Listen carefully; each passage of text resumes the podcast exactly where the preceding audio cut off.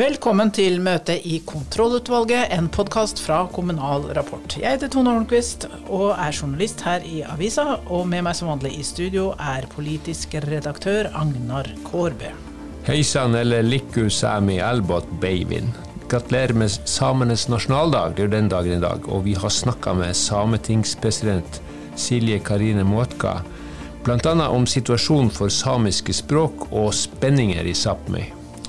Det stunder mot landsting i KS. Eh, tirsdag 13.2 åpnes det, og vi skal snakke litt om eh, saker, valg og personer. Og ikke minst så skal vi snakke med han som ble valgt til KS-leder for fire år siden. Det føles jo veldig lenge siden. Forsvarsminister Bjørn Arild Gram fra Senterpartiet. Og hva har vi til behandling under eventuelt, Tone? Det blir kjærlighet. Valentine i Verdalen. Kommunen pynter kommunestyresalen i kjærlighetens farger. Da kjører vi i gang.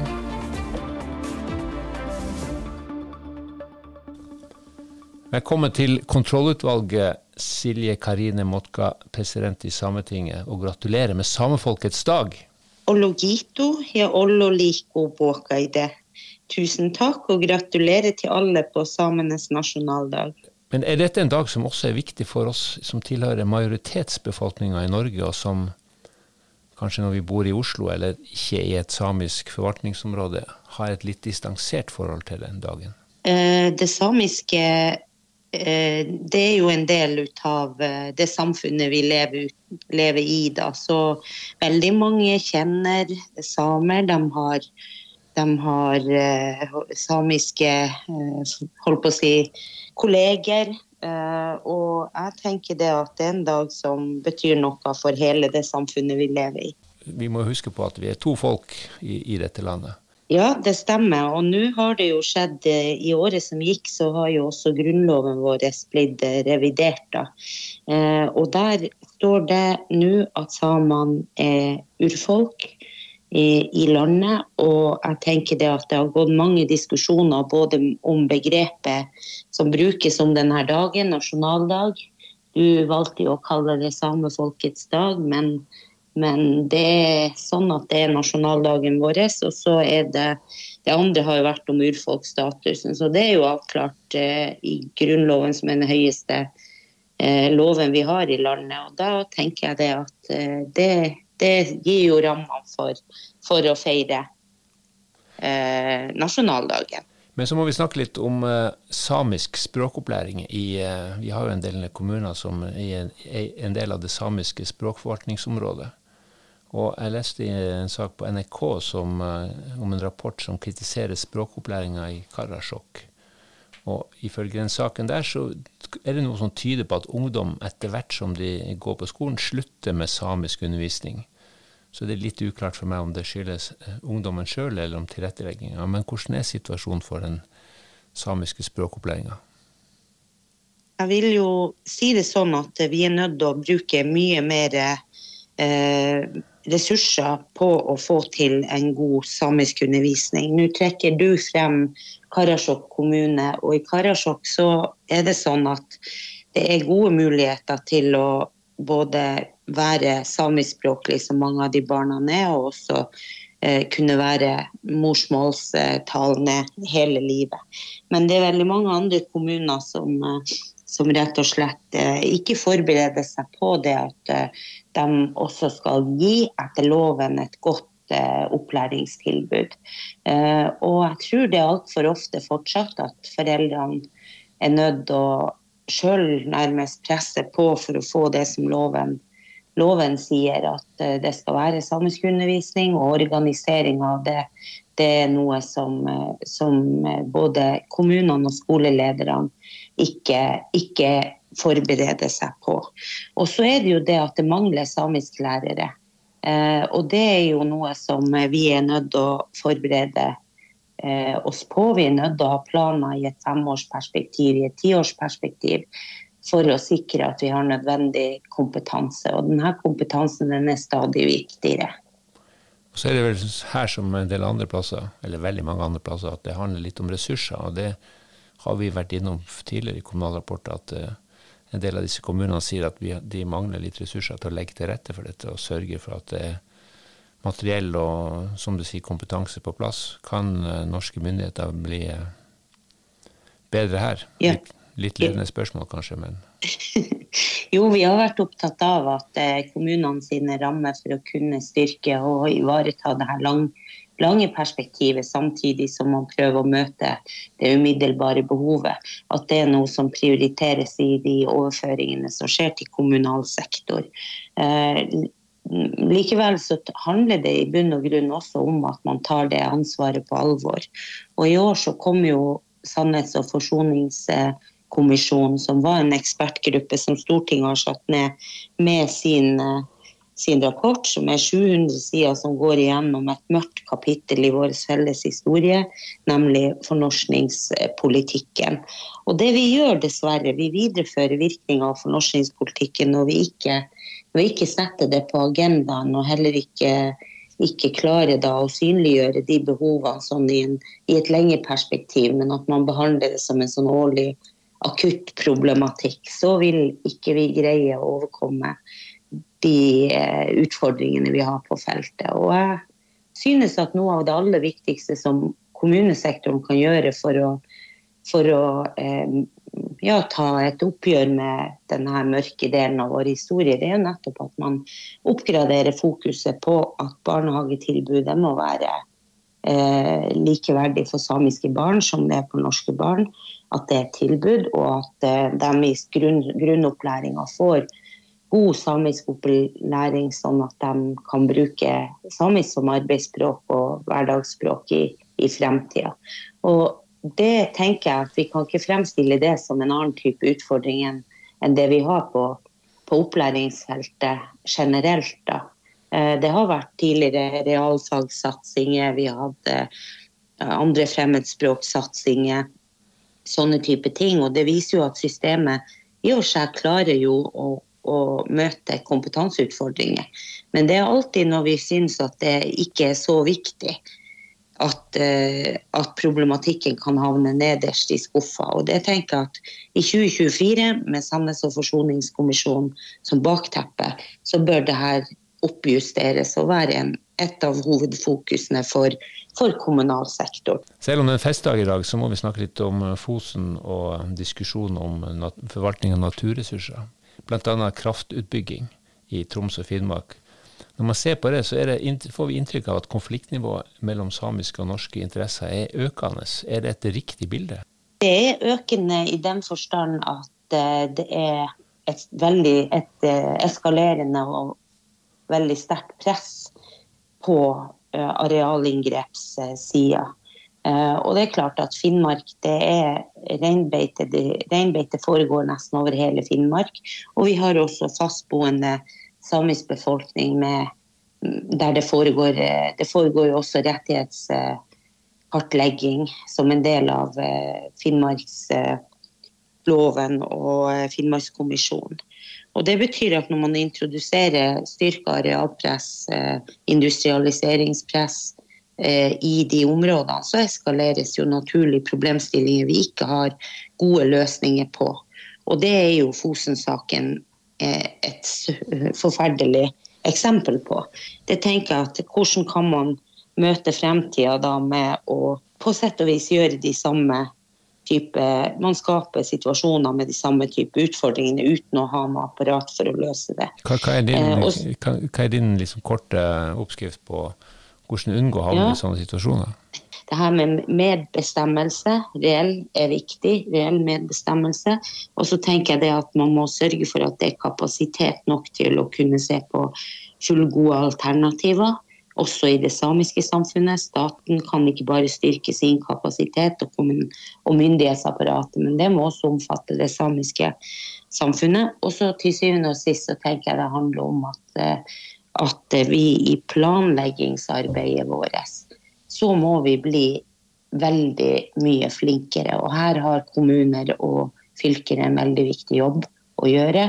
Og det er igjen litt som med samiskundervisninga. Vi kan ikke tenke at denne problemstillinga er liten, og den, den, vi må bare liksom, vi overser det. Eh, sannheten er jo nettopp det at fordi at eh, fordi at vi, vi, har med å gjøre med urfolks- og menneskerettigheter, så må man være veldig aktsom. Og i den sammenheng så tror jeg vi alle sammen tjener på å søke å unngå sånne situasjoner som på Fosen.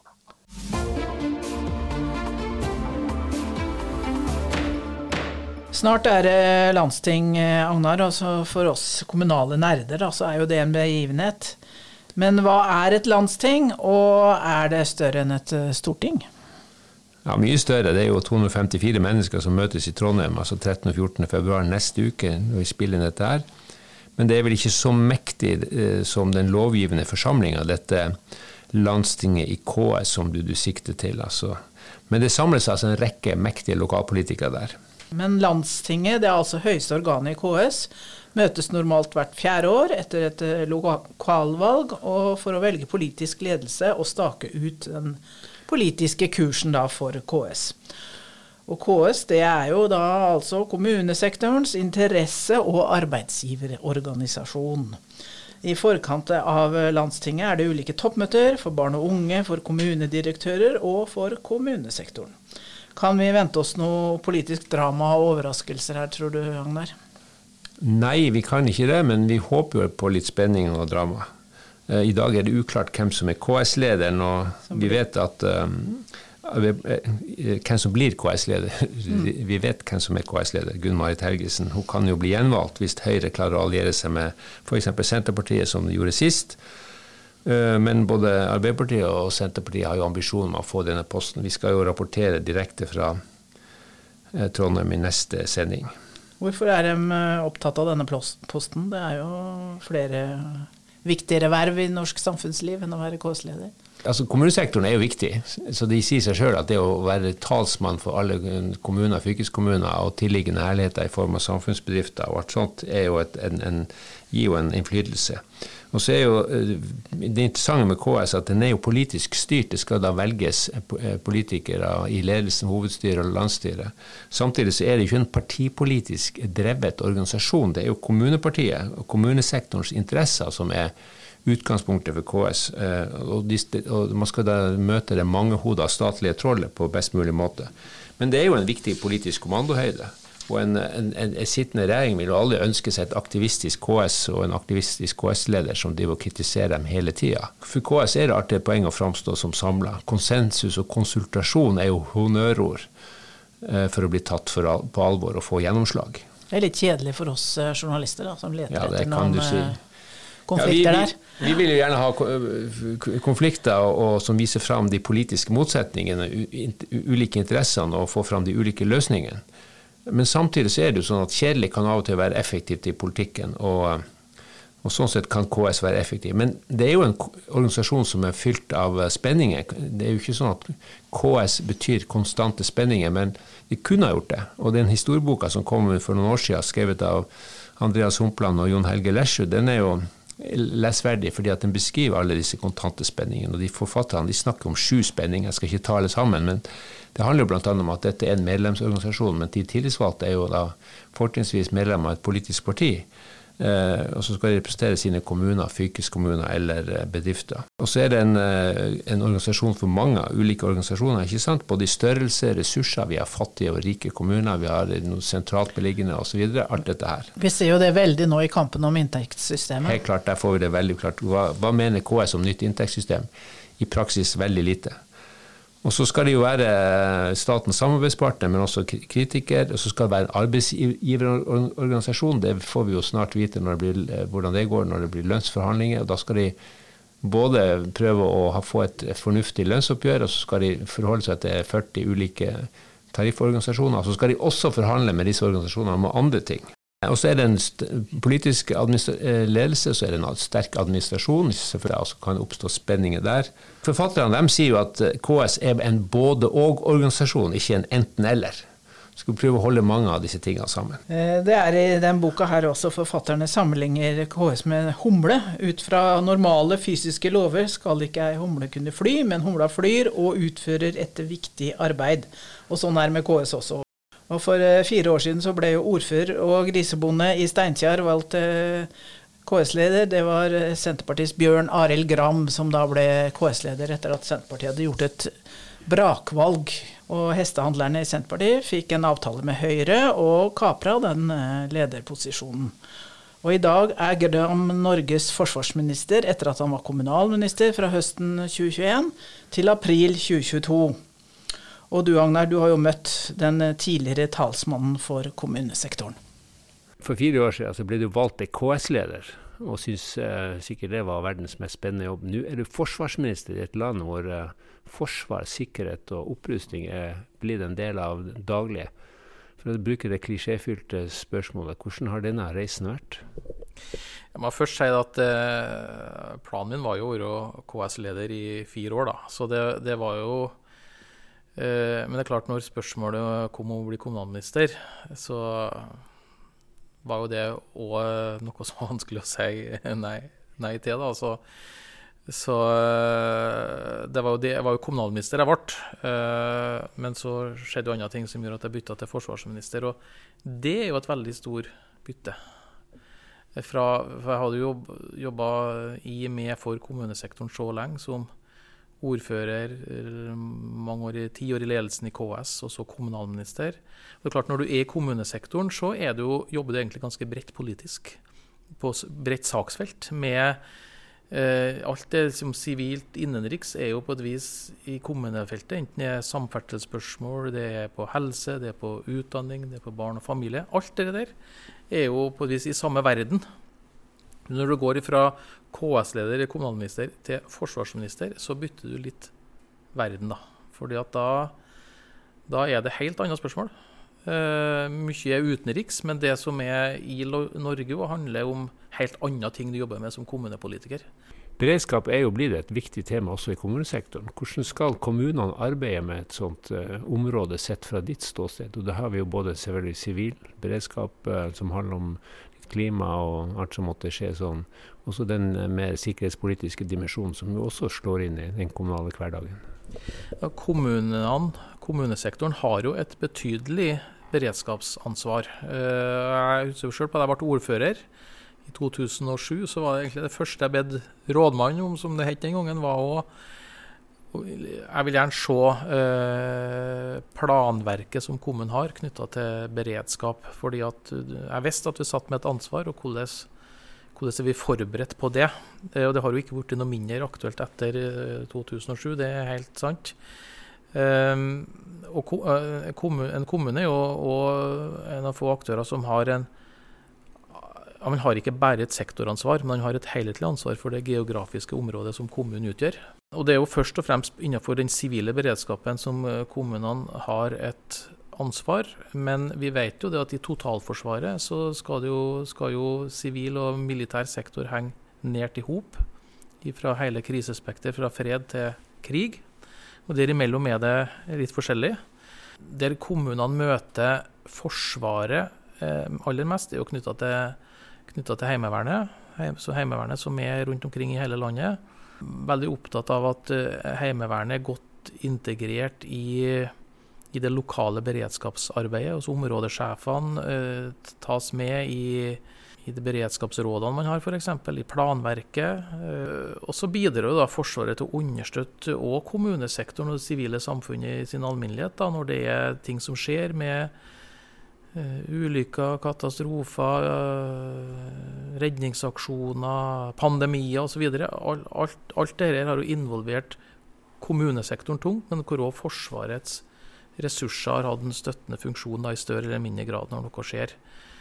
Eh, skulle det bli stort alvor, så vet vi jo at totalforsvarskonseptet legger opp til at sivilsamfunnet må understøtte den militære operasjonen i større grad. Da. Så Derfor er det med å øve eh, og trene i lag, eh, ha oppdatert planverk, ha kontaktpunktene på plass, særlig mot Heimevernet, mener jeg er viktig.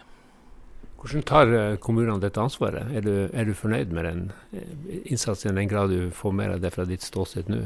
Det vil jeg absolutt si. Og vi har jo sett det, så det i pandemien veldig tydelig, da, hvor eh, det var jo mer en permanent krisestab som ble etablert, og som har, har gått over år. Eh, kommunene er jo etter hvert ganske godt drilla på, på denne type arbeid. Eh, så vet vi jo at det er eh, sårbarheter som ligger der, som kanskje øker. Enten det er at uh, klimaet, været, blir mer uh, krevende, da, som fører med seg hendelser i naturen, eller det er mer type cyberhendelser som utfordrer kommunesektoren. Da har vi jo sett at det, kommunene har så mange viktige funksjoner overfor folk og samfunnet at det uh, er utrolig viktig at man har det høyt på dagsordenen. Er det mange tøffe tak internt i regjeringa om når nasjonale mål testes mot det lokale selvstyret?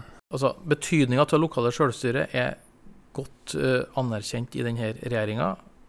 Men det kommer bestandig til å være diskusjoner en hvilken som helst regjering uh, på vanskelige avveininger da, i, det der skjæringspunktet mellom nasjonal politikk, nasjonale behov og det lokale selvstyret. Men det er en stor bevissthet om det. og jeg jeg opplever òg at, eh, og det var jo noe jeg òg understreka veldig tydelig da jeg ble kommunalminister i regjeringa, at KS må man ha et uh, proaktivt forhold til. Man må følge opp, stille opp, uh, stille opp på konsultasjonsmøter, trekke KS med inn i relevante prosesser. Og jeg leser stadig vekk regjeringsnotat hvor at KS nevnes spesifikt, uh, enten det gjelder standpunkt som KS har, eller, eller prosesser som man skal involvere KS i.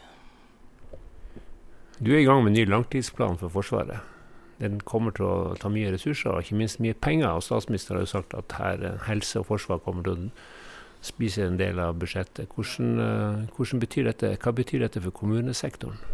Ja, vi er i en situasjon nå hvor en mer alvorlig sikkerhetspolitisk eh, situasjon gjør at vi må bruke mer av samfunnets ressurser på forsvar, sikkerhet og beredskap. Det handler ikke bare om forsvarsbudsjettet, det handler om den sivile beredskapen politi, sivilforsvar, matvareberedskap, forsyningsberedskap i, for, helseområdet. Så det, det, er, det, går, det er bredt og går utover forsvarssektoren. Men ja, en ny langtidsplan for forsvarssektoren kommer til å bli kostbar og kommer til å gjøre at vi har mindre å bruke på andre formål i samfunnet. Statsministeren nå nevner betydningen av å prioritere helse. Nå er kommunesektoren en veldig viktig del av, har viktig ansvar innenfor helsesektoren. da.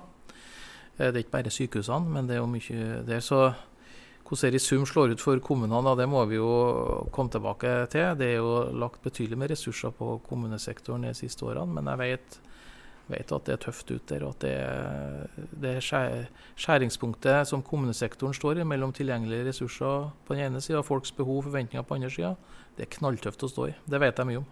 Og det gir du beskjed om til dine kolleger når dere sitter i disse møtene? Ja, altså på den ene sida så er det jo sånn at når du sitter i regjering, da, eh, så har du på et vis nok med ditt eget felt. Sånn er det. Så sier jeg det helt ærlig. Du, du, må, du bruker tid og krefter på det, for det det ligger der, men, men regjeringa møtes jo ofte og diskuterer jo saker på tvert beslutt. I Norge er det jo sånn at det, det, man beslutter mye i plenum i regjering, og da kommer det jo berøring òg med andre statsråder sine saker. Eh, så det hender jo at jeg hender absolutt at jeg engasjerer meg i, i andre saker enn det som er på mitt eget felt. Eh, eh, akkurat som andre engasjerer seg på forsvarsområdet. og det har nå med meg den kompetansen og den innsikten og kunnskapen om kommunesektoren som innimellom finner, finner naturlig og klokt å dele med regjeringa. En sånn anledning er jo arbeidet med å revidere inntektssystemet. Jeg går ut fra at du gir noen gode råd til din eh, kollega i Kommunaldepartementet? Ja, han, Vi har en kommunalminister som har god, god innsikt i det, i det her sjøl, men eh, er jo med i diskusjoner om rammevilkårene for kommunesektoren òg. Og I det inngår jo inntektssystemet. Hva du savner mest med fra vervet som KS-leder? Jeg savner folkene. Eh, jeg savner ikke så mye alle problemstillingene. Der jeg er nå, når jeg har fått litt på avstand, etter å ha jobba så mange år med, i kommunespørsmål som ordfører og fylkespolitiker og i KS og som kommunalminister, så er det på ett vis, helt ærlig, litt godt å jobbe med helt andre problemstillinger òg. Men jeg savner jo folkene som eh, i KS og i kommunesektoren. alle ordførerne og kommunedirektørene og alle som eh, har bygd relasjoner til og kjennskap til og vennskap med. Og, men det. Hender jeg møter på folk òg, og det har jo ikke minst en del si, forsvarstunge kommuner som eh, jeg har eh, kontakt med. Og vi har jo sett nå i arbeidet med ny langtidsplan, så har jo de fleste fylkeskommuner og regioner engasjert seg i det. For Forsvaret jo, har stor betydning rundt omkring i hvert fall deler av landet. Da. Jeg har fortsatt berøring med kommunesektoren, så det gjør at savnet ikke blir så stort. Men du rekker ikke fram til landstinget i uh, Trondheim? Nei, det er helt forferdelig. Det har jeg har virkelig prøvd med flytida og adhoc-løsninger og litt av hvert for å få det til. Men det, det, det er kollisjon med forsvarsministermøtet i Nato og tilknytta møtevirksomhet som det som gjør det umulig å komme på landstinget i Trondheim. Men skulle veldig gjerne ha vært der. Men får prøve igjen om fire år, kanskje. Har du et godt råd til den som eh, skal fortsette, eventuelt overta som eh, KS-leder? Nei, jeg skal ikke begynne som forsvarsminister å gi noe råd til KS-lederen. Kommunefamilien er viktig, og det jeg syns jo det. Nå har jeg også vært med Det er jo ikke så lenge siden jeg slutta i KS-ledelsen, da. Eh, og jeg syns KS har hatt en veldig fin utvikling. Jeg syns det at KS greier å være faglig tung, relevant, er viktig, for da blir man lytta til. Det at, og det at man har klart å eh, KS sin politiske ledelse består av ulike politiske partier, og det vil være ulike syns på ting, men at man har hatt en veldig tung kultur for å lete fram til hva som er kommunesektorens beste, da, hva som tjener kommunesektorens interesser, det, det er med å gi, det er med å gi kommunen, KS eh, styrke og at det ikke det partipolitiske spillet som overtar. Så jeg håper at man fortsetter den linja som jeg sjøl prøvde å være en del av i det, den sammenhengen.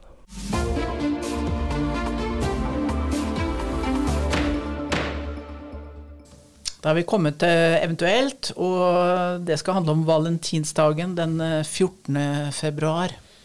Er ikke det bare sånn amerikansk eh, kommersielt eh, dagligvaremas for å kjøpe blomster og hjerteforma sjokolade? Det kan du mene, Agnar. Altså, men feiringa har spredd seg helt til Verdalen. Ok, Hva gjør de i Verdalen for å markere kjærligheten? Der pynter de kommunesalen med hjerter og roser og en kjærlighetsbue, og inviterer til drop-in-bryllup. Det er jo vakkert, men eh, er altså på en midtvintersonsdag i arbeidstida, er det det de bedriver ja, tida med? Ja da. Ja, mellom ni og halv fire. Helt spontane kan du ikke være når du skal gifte deg. Kan ikke bare droppe inn. For først må du ha en prøvingsattest fra Skattedirektoratet. Ok, um, Det høres ikke så romantisk ut å få dette innenfor den kommunale åpningstiden og i henhold til Skattedirektoratet. Men en slik attest skal vel vise at du ikke er gift fra før, og den slags, så den må jo være på plass. Jeg skjønner jo det. Ja, den må det. Bigami er fremdeles forbudt. Men uh, ja, nei, vi ønsker Ørdal lykke til. Håper på lang kø.